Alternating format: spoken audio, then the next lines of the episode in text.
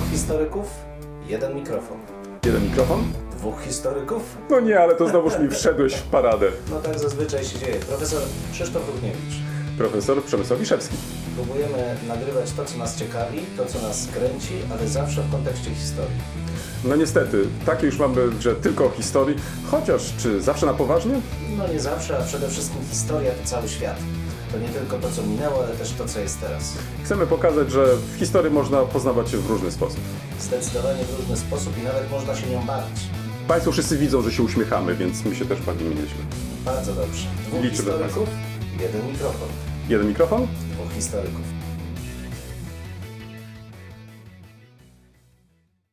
Teraz ja zaczynam, teraz ja zaczynam.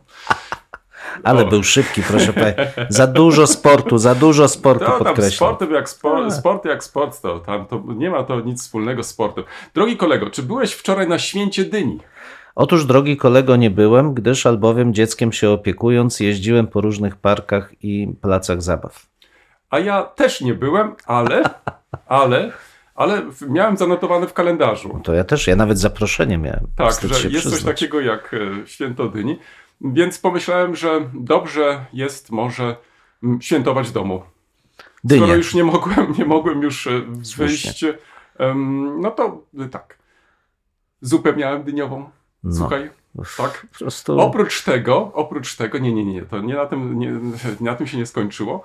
Także poprosiłem o upieczenie ciasta dyniowego. I wyobraź sobie, że wieczorem mogłem skosztować I, i proszę Państwa, i on tak, ja zjadłem dopiero kanapkę na śniadanie i on mnie tutaj tak gnębi. Proszę I kolego, to jest znęcanie nie myśl się. sobie, O, nie proszę, myśl jeszcze sobie, i- i- przywiozłem kawałek. Przywiozłem ja, ja kawałek. będę musiał teraz wytrzymać, żeby nie zjeść. No tak, dobrze. proszę bardzo, no przekazuję. Dziękuję bardzo. W- Wszyscy widzą, No że tak. kolega dostaje Szumi kawałek. tutaj. Tak. Tu poszumie Państwo. O, Tak, tu jest ten kawałek, tu jest ten tak, kawałek. Tak, podczas jakiejś tam przerwy będziesz mógł sobie Dziękuję zakosztować e, i tym samym nawiązać do święta dyniowego, które się wczoraj odbyło. Dzisiaj jest poniedziałek, godzina ósma. Proszę Państwa, proszę się nie dziwić, że mamy takie pomysły. Ja nawet już jadąc do pracy zastanawiałem się, czy nie postawić nam tutaj kawy i włożyć już to ciasto. I chyba następnym razem spróbuję tak zrobić. Także nie dziwcie się, jeżeli będziemy stukać to może, stukotem. słuchaj, to następnym razem przyniosę w termosie kawę. No nie, ale tylko pod warunkiem, że dobrą kawę. Wiesz, to nie będzie jakaś sypana. Ale oczywiście tylko sfermentowana wcześniej sypana kawa O Boże, nie, straszne. z konferencji straszne. jakąś wezmę. Tak. Ach, nie, to, to już w ogóle, to już możesz zapomnieć.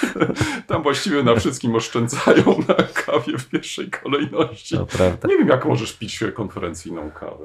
No, chyba inaczej się nie da, no ale to No, już no, jest osobna opowieść, osobna story. Czyli co, y, tak, wczoraj było święto dyni. em, byliśmy w rozjazdach, słuchaj, tak miałem wrażenie, bo w, mm, ty jeździłeś, ja jeździłem.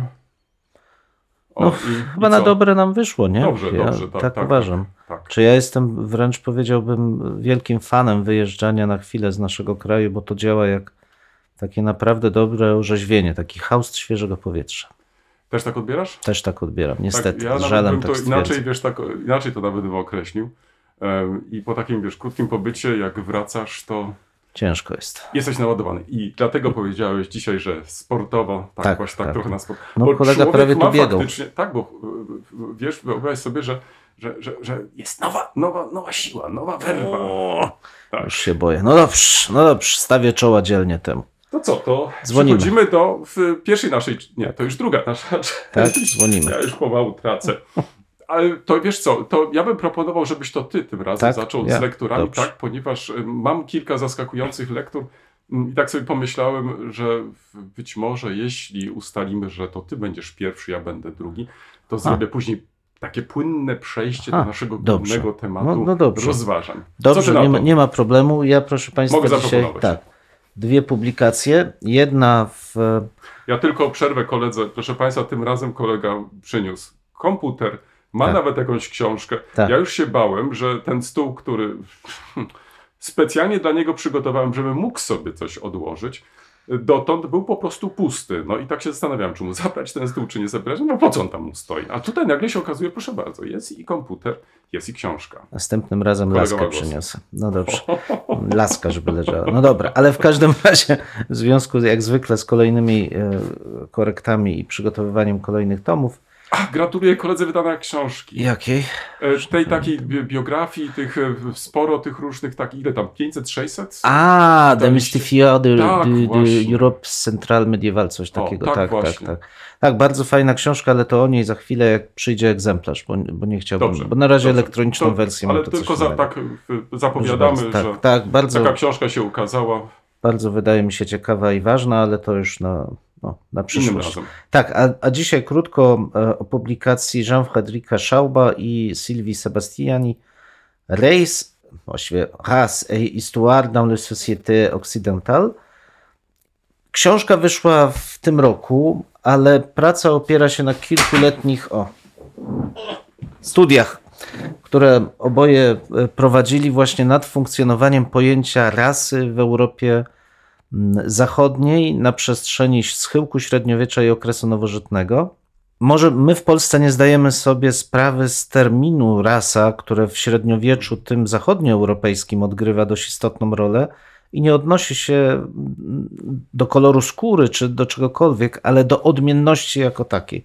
Rzeczywiście, zwłaszcza w, na Wyspach Brytyjskich, w mniejszym stopniu, ale też w mm, dzisiejszej Francji, ten termin w średniowieczu funkcjonuje.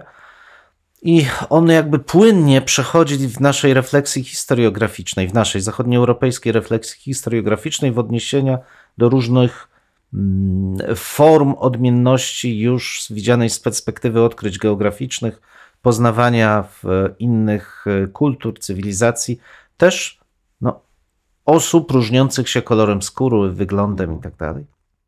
I co ciekawe, autorzy wskazują, że rzeczywiście wykorzystywanie tej terminologii, powiedzielibyśmy rasowej, ale bez odniesień tych, które znamy z okresu hitlerowskiego, ale właśnie z podkreślaniem odmienności takiej bardzo silnej, wiąże się bardzo mocno z centralizacją władzy państwowej jako elementem y, uchwycenia kontroli nad tym, co nazywamy współcześnie koloniami.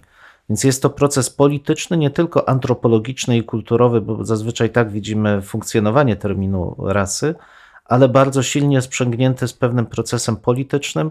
I te dwa elementy są bardzo silnie ze sobą powiązane, one się napędzają. Znaczy, można przypuszczać, że gdyby nie kolonie, gdyby nie ten okres ekspansji europejskiej, to sam problem rasy jako elementu polityki mógłby się nie pojawić. Być może zastąpiłyby go tak jak w relacjach tutaj wewnątrzeuropejskich, konteksty etniczne, e, mimo wszystko próby powiązania, współpracy bardziej niż konfliktu. Natomiast rozszerzenie te, tego wpływu europejskiego na inne kontynenty powodowało, że rasa nabrała takiego no, bardzo silnego e, charak- charakteru, bardzo silnego narzędzia do zarządzania przestrzenią. Bardzo ciekawa praca pokazuje te konteksty między mniej więcej XV-XVIII wiekiem, a więc jeszcze przed tym właściwym okresem dominacji kolonialnej politycznej, taką jaką znamy z tego XIX wieku, kiedy cały świat już jest podzielony na strefy wpływów bardzo mocno w, zdominowane przez politykę europejską. Dzisiaj dużo hałasu, proszę Państwa, to poniedziałek i nie wypiliśmy kawy. Druga książka natomiast, to cieszę się, że nawiązałeś do naszych podróży, e, bo rzeczywiście będąc w Dreźnie i z wizytą służbową otrzymałem w ramach prezentu taką oto książeczkę, e, bardzo ciekawą, bo pokazującą nieco odmienną od naszej kulturę akademicką. Mhm. Buildings and Their Names. The Campus Development of Technische Universität Dresden. I rzeczywiście jest to nieduża książeczka, bardzo fajnie wydana, w której przedstawiony jest nie tylko tytułowy rozwój mm, samej struktury, tej materialnej infrastruktury um, e, Uniwersytetu Drezdeńskiego, czy właściwie Technicznego Uniwersytetu Drezdeńskiego, ale poszczególne budynki, króciutko ich historia i osoby, od których zebrały one swoje nazwiska i nazwy. Kapitalna rzecz, bo pokazuje, w jaki sposób kształtuje się zupełnie świadomie tą topografię akademicką jednego z najważniejszych e, uniwersytetów niemieckich. Ta personalizacja bardzo, bardzo mi się podoba, bo my mamy takie nazwy, które zazwyczaj odnoszą się do historycznych, głębokich korzeni, ewentualnie do fakultetów, które są w danych budynkach. Szybciej poszczególne sale jesteśmy w stanie określić e, nazwiskami naszych bohaterów. Tutaj nie, tutaj rzecz idzie o całe budynki i wydaje mi się to jeszcze bardziej przekonujące, zwłaszcza, że jak wczytamy się w tych bohaterów, co też jest istotne, to są to faktycznie profesorowie tego uniwersytetu. To znaczy nie ma tu polityków, nie ma tu odniesień do jakichś narodowo-kulturowych e, e, wydarzeń. Nie. Kampus jest budowany w oparciu o wspólnotę akademicką e, uniwersytetu. Bardzo ciekawe, przekazuję koledze. O, bardzo dziękuję. Proszę Państwa, nie będę jeszcze komentować e, tej e, publikacji i tego daru kolegi, ale o jednej rzeczy chcę wspomnieć. Mianowicie, my się, proszę Państwa, nie umawiamy co do wyboru naszych lektur. I za chwilę kolega będzie zaskoczony, że bardzo podobno mam lekturę, na którą jemu chciałem zwrócić uwagę właśnie w kontekście budynków, ale jeśli kolega pozwoli, to zaraz o tym. Także pięknie dziękuję. Zaraz będę kartkować. Proszę bardzo. To ja chyba muszę teraz Te, tak te, przejść te, teraz. tak, teraz musisz zwracać. Dobrze, proszę Państwa, w takim razie to mm, ja zacznę od tego, że też y, byłem ostatnio w rozjazdach. Tak się złożyło, że pod koniec tygodnia uczestniczyłem w posiedzeniu jubileuszowym, setnym, Historische Kommission für Schlesien, Komisji Historycznej dla Śląska. Dam linka do tej instytucji, tak że będziecie mogli Państwo więcej na jej temat y, poczytać. Dla mnie to była ciekawa okazja, żeby z jednej strony wysłuchać bardzo ciekawych takich e, jubileuszowych wystąpień, e, gdzie zwracano uwagę na zarówno historię, to znaczy twórców, wydarzenia, chwalono się też osiągnięciami.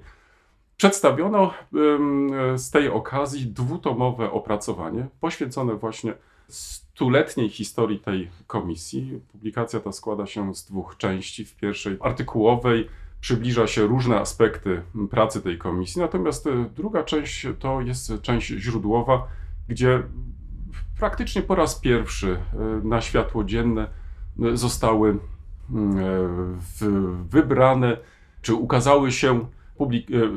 Ach, widzisz, to, to jest faktycznie poniedziałek, że po raz pierwszy światło dzienne ujrzały niektóre źródła. Część jest znana, część nie, ale to, co jest ważne, w jednym tomie faktycznie mamy bardzo ciekawy przegląd różnego rodzaju tematów. To, co mnie szczególnie interesuje i nie ukrywam, że chętnie do tej publikacji zajrzę, to kwestia pokazania różnych okresów w dziejach tej e, komisji. Tu myślę przede wszystkim o okresie III Rzeszy, czy też o latach 50., 60., które, jeśli chodzi na przykład e, nie tylko o działalność tej samej komisji w Niemczech, w Republice Federalnej Niemiec, ale też na przykład jeżeli chodzi o relacje polsko-niemieckie, to tutaj myślę, że będzie można znaleźć e, bardzo dużo ciekawych informacji. Ale do tej książki chętnie zajrzę, do tej publikacji, więc być może przy innej okazji będę mógł coś więcej na ten temat powiedzieć. Jest to oczywiście takie spotkanie jubileuszowe, też okazją do rozmów,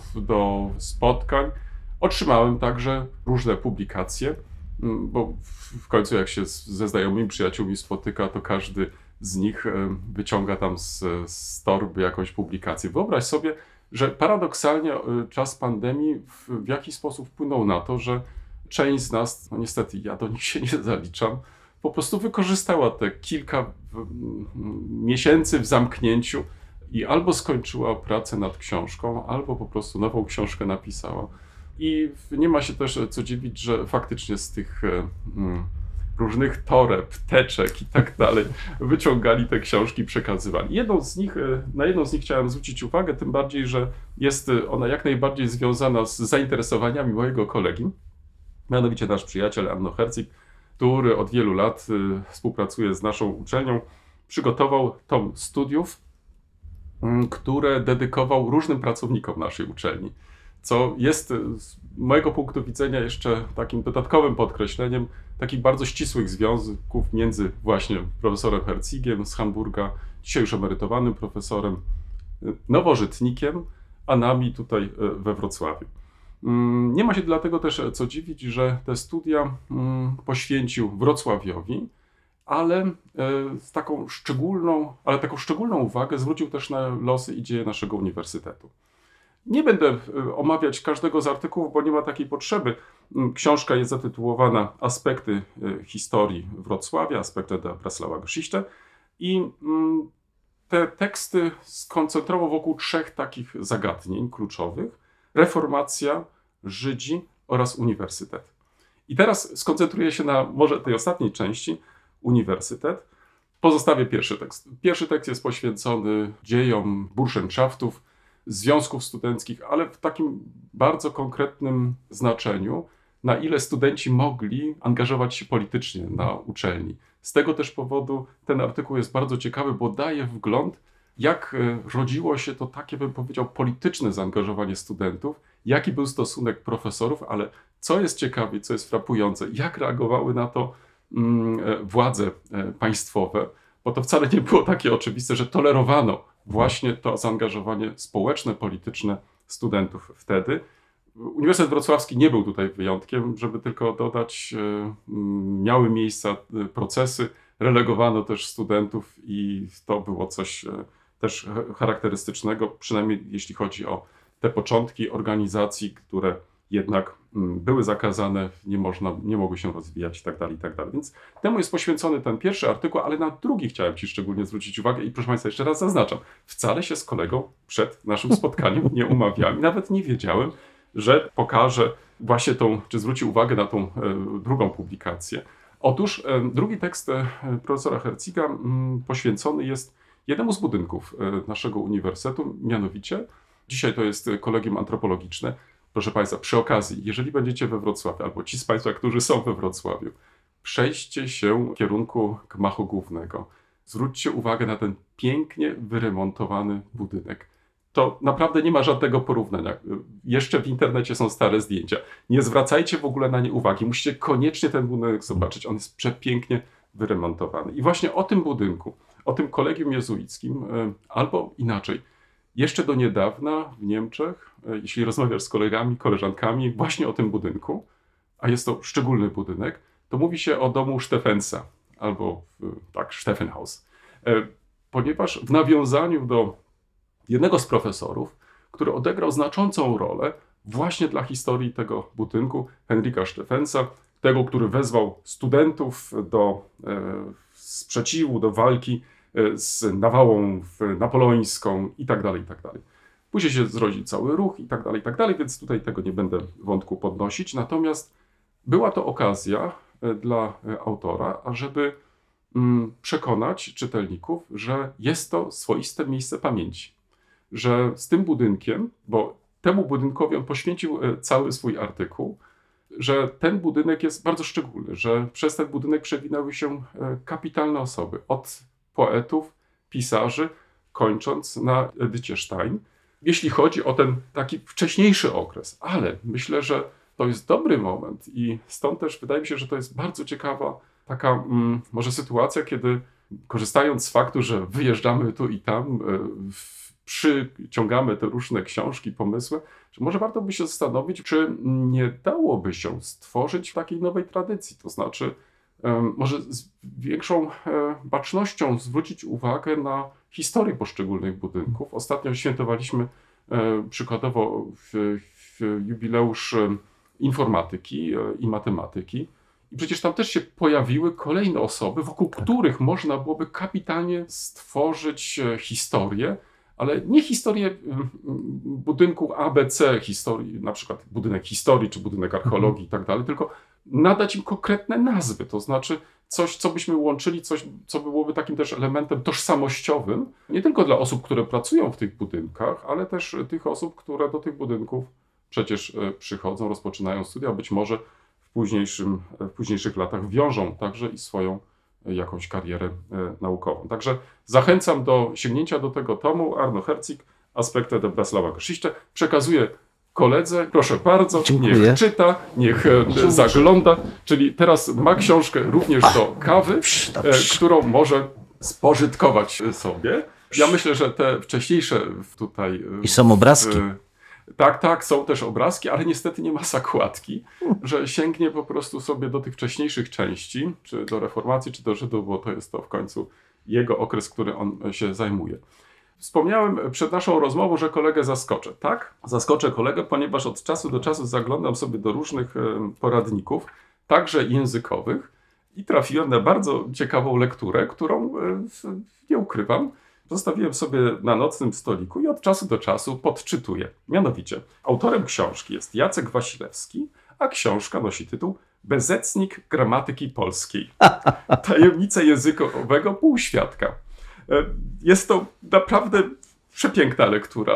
No, już dawno no, tak się nie bawiłem, e, a ponieważ e, no, czasy nie są łatwe, jesteśmy zestresowani, to tak przed pójściem spać, kiedy przeczytasz fragment takiej książki, no to faktycznie sny masz kolorowe i myślę, że e, mam nadzieję, że także i Państwu ta lektura się jakoś e, udzieli. Pozwól, że przeczytam Ci no, jeden malutki fragment, tak żeby pokazać, może oddać też tak nieśmiało trochę, bo tutaj zawsze mam z tym jakiś taki mm, no, raz, że ogromny szacunek wobec osób, które piszą y, na temat gramatyki, zawiłości różnego rodzaju słowotwórczych i tak dalej, a z drugiej strony, no właśnie, chęć i możliwość e, przeczytania. I teraz tak, czasownik. Ponieważ e, podział książki jest też e, nieoczywisty, Mm, Składa się ta książka z kilku części. Przeczytam może te główne rozdziały. Przypadkowe towarzystwo, rzeczownikowa brać, klika czasownika, niesłowne imię słowy, reszta szajki, językowa atmosfera, własne zdanie. I oczywiście pod tym się wszystko tam, różne rzeczy tam się kryją. I między innymi w części dotyczącej e, klika czasownika pojawia się hasło czasownik. Prawdziwe formy polskich czasowników, pisze autor, są owiane tajemnicą. Jakoś tam sobie mówimy na co dzień, ale kiedy przychodzi co do czego, okazuje się, że każdy ma swoją wersję języka polskiego. To jest oczywiście wstęp. Każdy właśnie taki rozdział czy podrozdział jest poprzedzony takim właśnie króciutkim wstępem. I teraz pozwól, ten jeden taki, ar- po prostu jeden akapit, myślę, że to w zupełności wystarczy. Pewnego razu posłanka, przemilczę tutaj nazwisko, imię i nazwisko, ale być może część słuchaczy będzie mogła się domyślić krytykowała pewnego dziennikarza, sugerując, że powinien wziąć sobie pieniądze na dokształcanie. Rozpętała się burza. Pojawiły się osoby, które twierdziły, że formą poprawną jest wziąć. Ale pani poseł odparła ataki zdaniem na Twitterze. Szkoła pruszkowska mówi wziąć, szkoła polska mówi wziąć. Co oznaczało, że mafia czasownikowa chce czasownik ten załgać, ukryć jego prawdziwą naturę wyjawiła, że tak ją uczyli w latach 60. w szkole. Co prawda, żadna szkoła się do tego nie przyznała, ale to pokazuje, że z polskimi czasownikami jest coś nie tak. Już po Twojej reakcji e, widzę, że w książka e, być może Ciebie zainteresowała. Mam nadzieję, że także i Państwo. Proszę. Państwa, książka jest napisana w taki sposób, e, nie ukrywam, już dawno nie czytałem tak przystępnego przewodnika po zawiłościach polskiej gramatyki. To podane w taki sposób, Ach, to jakbym siedział teraz przy stole, wiesz, i miał, nie wiem, kaczkę, to bym już ją kroił, słuchaj, i każdy kęs z wielką przyjemnością po prostu wcinał. Boże. W imieniu wszystkich kaczek proszę o pisanie nudniejszych książek, bo kolega tu kaczki chce zjadać. To Dodam jedna. tylko, że książka jest przepięknie wydana. Wydawnictwo Bosch e, stoi za tą publikacją. Bosch? Bosch, tak, tak. E, Wydawnictwo Bosch. Jest to wydawnictwo Ciekawe. znane z wydawnictw albumowych na przykład, wiesz, w przeszłości. Teraz w- widać z tego, że rozszerza nieco e, swoją ofertę. Właśnie w, ukazała się ta książka. Dodam tylko, że jest przepięknie ilustrowana. Pani Janna Czupryniak zilustrowała rozważania autora, dodając faktycznie e, kolorów. Jeszcze raz Jacek Wasilewski, bezecnik gramatyki polskiej. Aha, jest jeszcze wstęp profesora Bralczyka O, i no, bardzo bym powiedział taki przewrotny, ale ostatnie zdanie, bo, bo, bo wiem, że być może jesteś też tym zainteresowany. Tylko dzieciom do rąk lepiej tego nie dawać. Także pięknie. to a propos właśnie tej lektury. I ostatnia lektura, taka, która myślę, że jest jak najbardziej związana z czasami, w których przyszło nam e, żyć. Lektura niełatwa. Nie, nie chcę tym samym powiedzieć, że lektura nastręcza nam jakichś większych problemów, bo jest naprawdę książka świetnie napisana, ale tematyka, którą podjął autor, nie jest problematyką taką oczywistą, choć nie ukrywam, że, że bardzo nam znana, ale jest to książka na pewno na czasie. Dodam tylko, że dzisiaj jest to też pracownik naszego uniwersytetu. Chodzi o książkę Łukasza Mola, Nomadyczna Europa. Książka ta ukazała się niedawno. Zacząłem czytać i dlaczego zwróciłem na tą książkę uwagę? Bo już sam tytuł zainteresował mnie Nomadyczna Europa i co autor e, ma na myśli.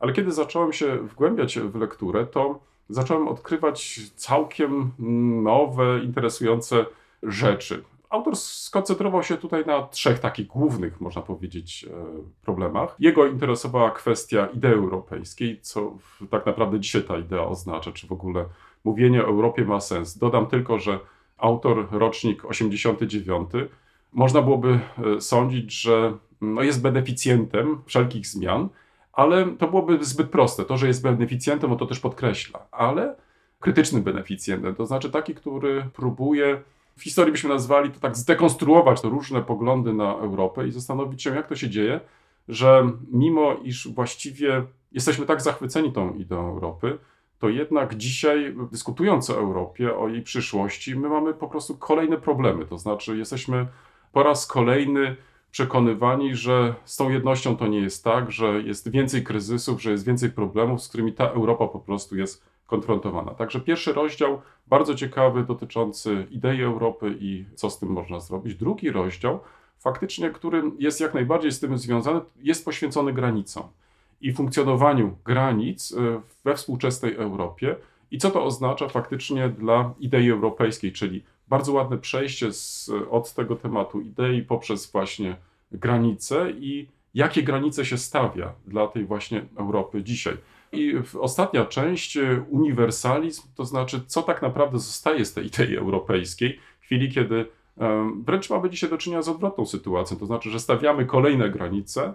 Autor kończył tą książkę w okresie pandemii, tak więc y, jeszcze nie uwzględnił, to chyba nawet nie jest konieczne, mm, najnowszego kryzysu, jakim, z jakim jesteśmy konfrontowani na granicy wschodniej y, Polski, bo przecież to nie chodzi tylko tutaj o granicę polsko-białoruską, ale mm, nie oznacza to, że książka ta w jakiś sposób e, się dewaluuje, to znaczy e, zwraca na tak ogólne rzeczy uwagę, że dodanie kolejnego kryzysu będzie raczej potwierdzeniem dla jego rozważań niż po prostu zaprzeczeniem.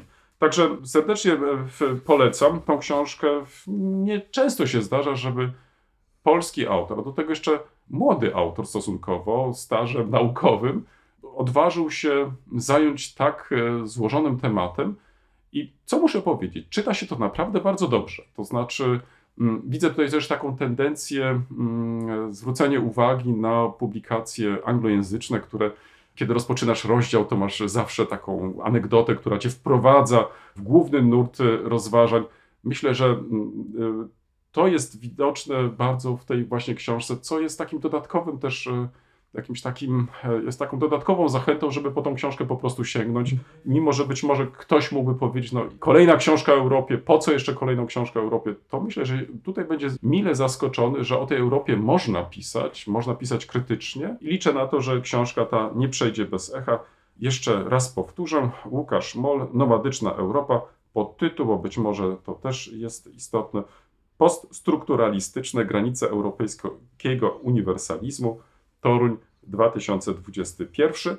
To jest jeszcze inny przykład na to, że my sami jesteśmy też interdyscyplinarni, sięgamy nie tylko po prace historyczne, ale także i koleżanek i kolegów z dziedzin pokrewnych, po to tylko, żeby zobaczyć, jak e, oni pracują, e, na co zwracają uwagę, taka, żeby także i te nasze prace, które końcu też dotyczą różnych aspektów dziejów powszechnych, w tym konkretnym przypadku dziejów Europy, żeby także i w sposób e, bardziej zróżnicowany pisać. No pięknie, pięknie, pięknie. Proszę bardzo, pięknie. proszę bardzo.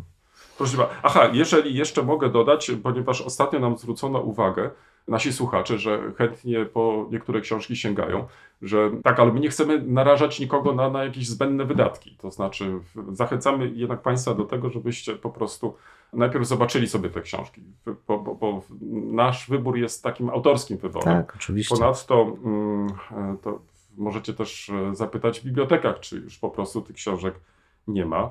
Myślę, że, że w, co możemy zrobić, to tylko zwrócić uwagę na taką czy inną pozycję. A przy okazji mam nadzieję, że Państwo też może zwracają na to uwagę, jakie są pewne tendencje, jakie są zainteresowania.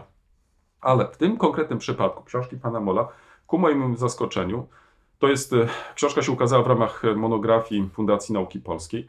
Są to książki dotowane. Książka pana Mola nie jest książką drogą, więc myślę, że. A ponieważ ma e, twardą oprawę, ma też obwolutę, ale nie ma niestety zakładki. Ale to ma są zdjęcia, dobrze, ale dobrze wydawane ale, książki, Wiesz, naprawdę. ale ma, Mhm. ma też zdjęcia. Także w, nie ma ich może dużo, ale w każdym razie e, trochę ich jest. E, książka jest bardzo obszerna. Myślę, że jeśli chodzi o cenę, to ona nie powinna w jakiś sposób e, tutaj e, zniechęcić do, a wręcz odwrotnie, zachęcić do e, zakupienia i postawienia sobie po prostu po lekturze na półce i sięgania od czasu do czasu Bardzo ładnie. do niej ponownie. Tak, nawet zdjęcia są kolorowe, proszę Państwa, co jednak jest pewną rzadkością w tego typu publikacjach. Tak, myślę. Tak. Mhm. Tak, nie, to jest właśnie kilka takich ciekawych Mhm. E, odniesień do różnych e, sposobów patrzenia na Europę, postrzegania tej Europy, zarówno e, przez samych Europejczyków, ale przede wszystkim przez różne narody, narodowości, państwa pozaeuropejskie. To znaczy, co sprawia, że ten projekt Europa, przez nas bardzo krytykowany, dla innych na przykład jest jakąś nadzieją na zmianę Ale takiej wiesz, innej sytuacji. Ja mam takie mieszane uczucie, bo w, wspomniałeś o tych kryzysach, które prześladują Europę i pomyślałem sobie, czy kiedykolwiek był jakikolwiek okres w jakimkolwiek e, organizmie politycznym, Mhm. który nie wskazywany byłby jako pełen kryzysów. No po prostu, jeśli jakakolwiek wspólnota zmienia się, rozwija, funkcjonuje w nacisku ze strony innych wspólnot politycznych, to siłą rzeczy potrzebne są zmiany. Zmiany są odczuwane jako kryzys dla jednych, beneficjenci są z drugiej strony. Ja naprawdę, w, patrząc na ten krótki stosunkowo okres mm, pobytu Polski w Unii Europejskiej, dostrzegam ogrom pozytywów i raczej powiedziałbym, że z, z pewnym smutkiem obserwuję mm, brak odwagi polityków do powiedzenia, że, że tak, że trzeba się bardziej e, zewrzeć i, i silniej współpracować ze sobą. I wydaje mi się to zresztą nieuniknione, dość patrząc na skalę zmian, jaka następuje w tej chwili w, Euro, w Europie, na świecie. Więc ja bym nie przesadzał tak z tym podkreślaniem kryzysów. Kryzysy, kry, bo to są zmiany, zmiany są zawsze obecne. Krytyka jest też elementem pewnego, pewnej opowieści, zmiany narracji, zachęcenia do wprowadzania zmian. To są rzeczy normalne, nie należy wpadać w przerażenie, w nadmierną emocjonalność. To ja w tym momencie zrobię może malutką przerwę, bo zrobiłeś chcąc nie chcąc bardzo fajne wprowadzenie do naszego dzisiejszego odcinka.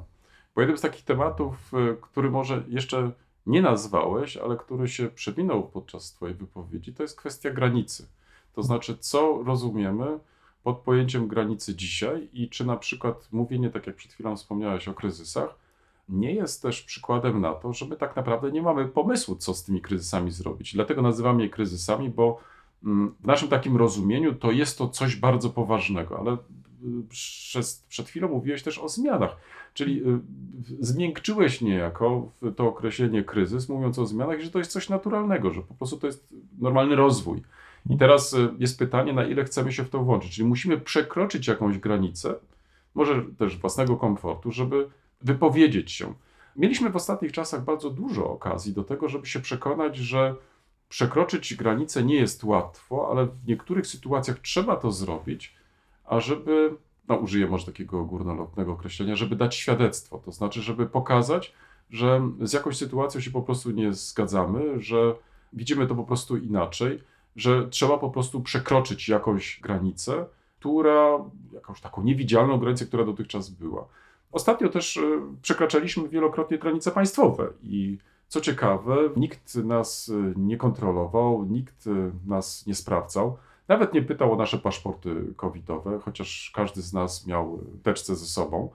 Czyli są granice, które istnieją, być może są to nasze granice jakieś takie mentalne, ale też są takie granice, które przestały istnieć, lub też na razie one nie są widoczne, ponieważ y, mm, uznaliśmy, i tutaj jest taka zgoda między nami, że one nam po prostu do niczego nie są potrzebne, chociaż naturalnie wyznaczone przez y, naturę, geografię i tak dalej, granice, one istnieją i chyba jest coś takiego, że nauczyliśmy się je cały czas przekraczać. I stąd też na przykład tytuł e, tutaj książki pana Mola, ta nomadyczna Europa.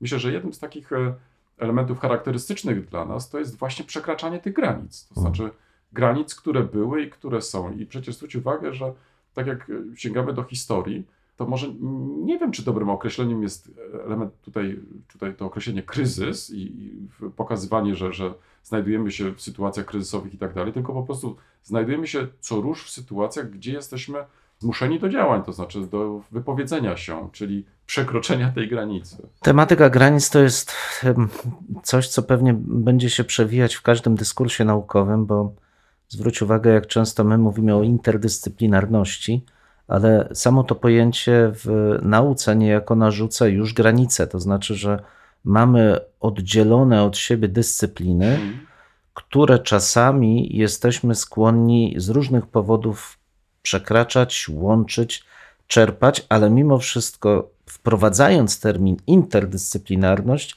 podkreślamy, że te granice są.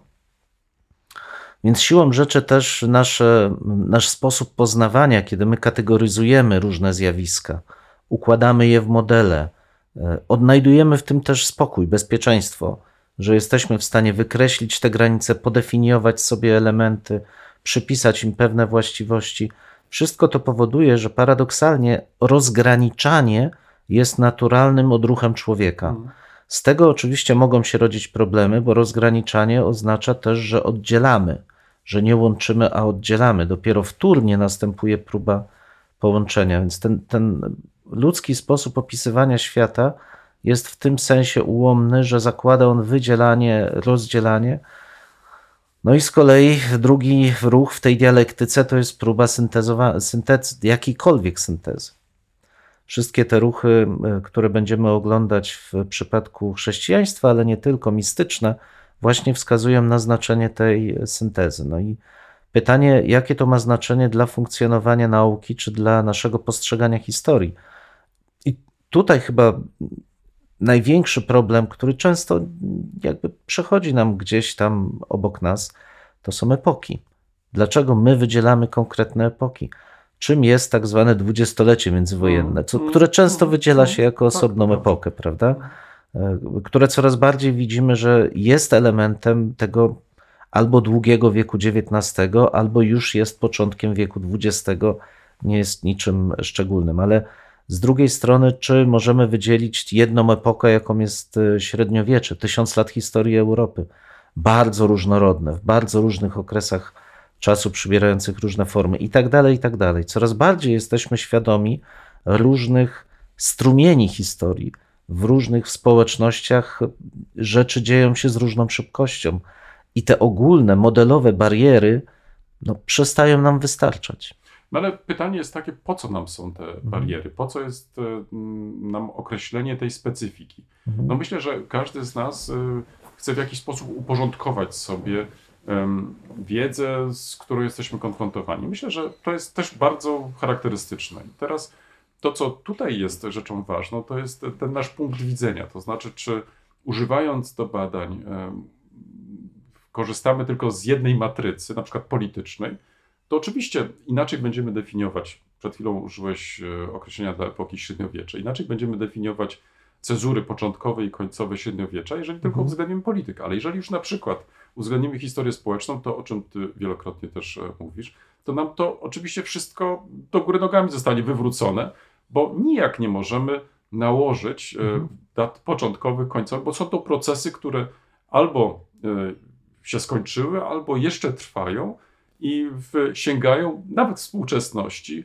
bo faktycznie e, trudno je w jakiś sposób zamknąć w takich granicach. Oczywiście każdy z nas próbuje to robić, no bo jednak to nie jest tak, że piszemy książki, które też nie mają granic, to znaczy to każda książka też kończy się początkiem i końcem, ale z drugiej strony e, ta świadomość, że zajmując się pewnymi tematami, my nie jesteśmy w stanie do końca określić tych właśnie granic e, dla przedmiotu, którym się zajmujemy. chcemy zwrócić uwagę, mi się wydaje, to jest najciekawsze w tym wszystkim, że zwracamy uwagę, że to jest tylko próba, że to jest takie zmierzenie się z tematem, ale jeśli na przykład uwzględnimy procesy kulturotwórcze, to także i te będą musiały być inaczej opisane dla każdej z epok, ale takim punktem odniesienia jednak jest taka próba jednak e, mm, wskazania tego elementu, który będzie porządkujący. Dlatego mówimy o średniowieczu, mówimy o nowożytności i tak dalej, i tak dalej. Czy na przykład w przypadku historii najnowszej, jeżeli tutaj mógłbym wprowadzić ten elementy historii najnowszej do nas, naszych rozważań, Budzisz moje przerażenie. nie, ale zwróć uwagę, zacząłem od tego, że uczestniczyłem w jubileuszu stulecia Komisji Historycznej y, Śląska. To mm, ostatnie publikacje, które ta komisja wydała, kończą się na I wojnie światowej, czyli w rozumieniu na przykład y, tej komisji historia najnowsza zaczyna się tak naprawdę dopiero po I wojnie światowej. Dzisiaj już dawno przestaliśmy zwracać uwagę na tą cezurę, raczej przesuwamy ją do II wojny światowej i okres po 1945 roku określamy jako historię najnowszą, lub też niektórzy badacze wręcz mówią, że okres po 1989 roku, w końcu należy sobie uzmysłowić, minęło już Tak. 30 lat, to jest to nowsza historia najnowsza, wyobraź sobie, że w ten sposób stara się przybliżyć już te ostatnie 30 lat, które także stały się przedmiotem badań. To znaczy, Mhm. to nie jest e, tak, jak to jeden z naszych kolegów określa, nas, historyków historii najnowszej, że nasze źródła czerpiemy w kiosku. Nie ma już kiosków. No więc właśnie tutaj myślę, że to już jest taki stary żart i za chwilę nikt nie będzie go rozumieć, e, w, ale należymy jeszcze do tego pokolenia, które pamięta kioski. E, To i dlatego się nie dziwię, że tak e, chcąc nas w jakiś sposób zirytować, ten właśnie kolega z lubością od czasu do czasu powtarzał, no, powtarzał właśnie tego rodzaju zarzuty pod naszym adresem, czyli co to jest za historia. No, myślę, że tutaj y, zgodni jesteśmy, że już te 30 lat sprawia, że możemy bez większych problemów e, badać e, to, co się działo pod koniec lat 80., na początku lat 90. I stąd właśnie to określenie nowsza historia najnowsza, czyli to też kolejna próba porządkowania, jakiegoś takiego em, ustalenia granic, które będą opisywać w ramach tych granic epokę, którą się zajmujemy. Tak, no ustalmy od razu, że granice same przez się nie są, nie są złe. To znaczy liczy się podejście do granic, a nie same granice, bo tak jak powiedziałeś słusznie, te granice porządkują poznanie ludzkie. Ja bym jeszcze dodał, że one nie tylko sprawiają, że ludzie czują się bezpieczni, ale też pozwalają im iść dalej. To znaczy, mając to poczucie pewnego uporządkowania, pewnych modeli, w ramach których się poruszają, mogą zadawać nowe pytania. Jeżeli tych e, granic w ogóle nie ma, jeżeli wszystko mamy mm, nieustannie płynne, nic nie jest uporządkowane, no to tak naprawdę z jednej strony możemy powiedzieć, no tak, no tak jest lepiej, bo tak jest bliżej prawdy, bo życie ciągle się zmienia. To prawda, ale to by oznaczało, że jako człowiek musiałbym cały czas na nowo definiować cały czas wszystko to, co mnie otacza. To znaczy, nigdy nie pójdę do przodu, nigdy nie zadam nowych pytań, ciągle będę zadawał i kwestionował te pytania, które już kiedyś zostały zadane. No i, i w nauce trochę tak jest, że z jednej strony cały czas kwestionujemy dotychczasowe teorie, ale z drugiej strony na pewnych musimy się opierać, bo nie jesteśmy w stanie ich sprawdzić, co też jest świetną metaforą ludzkiego życia. Wybieramy te obszary, co do których możemy zakwestionować, coś poprawić, zadać pytanie, pójść dalej i pokazać innym tą drogę, ale z drugiej strony szanujemy to, co już się wydarzyło i co gdzieś e, zostało już e, zbadane. I tak jak rozmawialiśmy o tych, czy, czy za, po, pokazałem to problem granic epok, to przecież nikt nie zakwestionuje, że rzeczywiście te do, no, gdzieś różnie zdefiniowane, ale jednak funkcjonujące różnice struktur kulturowych i społecznych są. E, One pomagają nam ustrukturalizować sobie nasze wyobrażenie o, o, o przeszłości, ale i tutaj jest ta druga strona granic. Błędem jest potraktowanie ich jako rzeczy w, pochodzących z zewnątrz. Taki, mówi się czasami o esencjalizmie, to znaczy o tym, że coś było, jest i będzie, że tak po prostu powinno być. W, w nauce tak nie jest. Znaczy, to są nasze pojęcia, nasze konstrukty i ważne, żeby zdawać sobie z tego sprawę, kiedy zaczynamy badania, ale też kiedy oglądamy rzeczywistość wokół nas, że to jest pewna umowa społeczna, którą można kwestionować. To nie jest przestępstwo. Ale zgodzi się ze mną, że warunkiem e, takiego postępowania jest jednak wiedza o tym, co zastaliśmy. To Oczywiście. znaczy to jednak zmierzenie się też e, z, z tym ogromem wiedzy, zwrócenie też uwagi, w, czy ta część wiedzy, w, czy inaczej, czy możemy część wiedzy zaakceptować, część e, postawić pod znakiem zapytania i na tej podstawie zaproponować e, własne rozwiązania.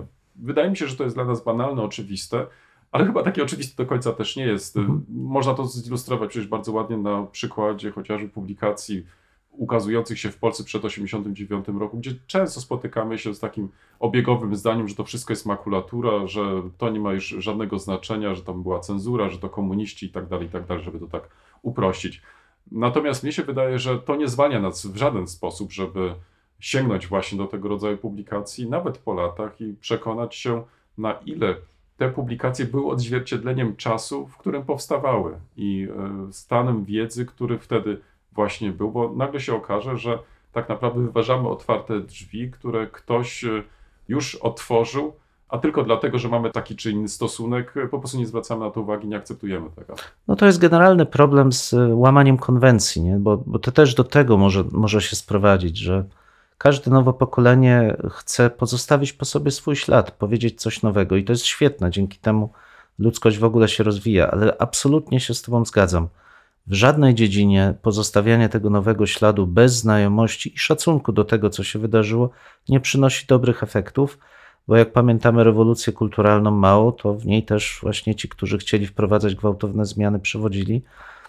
I w jakimś sensie mieli rację, bo modernizowali Chiny. Natomiast cena za to była ogromna i możemy jedynie przestrzegać, że z jednej strony przechodzenie, łamanie dekorum, tego, tego co wypada, tego co nie, jest rzeczą ważną, bo dynamizuje ludzkie poznanie, oddaje tą ludzką chęć e, zobaczenia czegoś więcej, ale z drugiej strony źle by się działo, jeżeli działoby się to kosztem tych, którzy rzeczywiście położyli fundamenty pod nasze funkcjonowanie.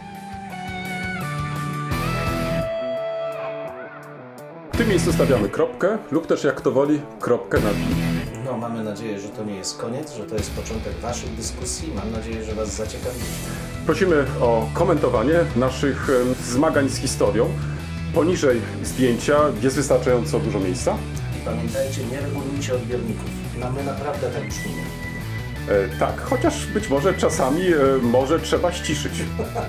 No może czasami ten nasz rekord tu się przydało wyciąć nawet. Dwóch historyków, Jeden mikrofon, jeden mikrofon. dwóch historyków. Dziękujemy.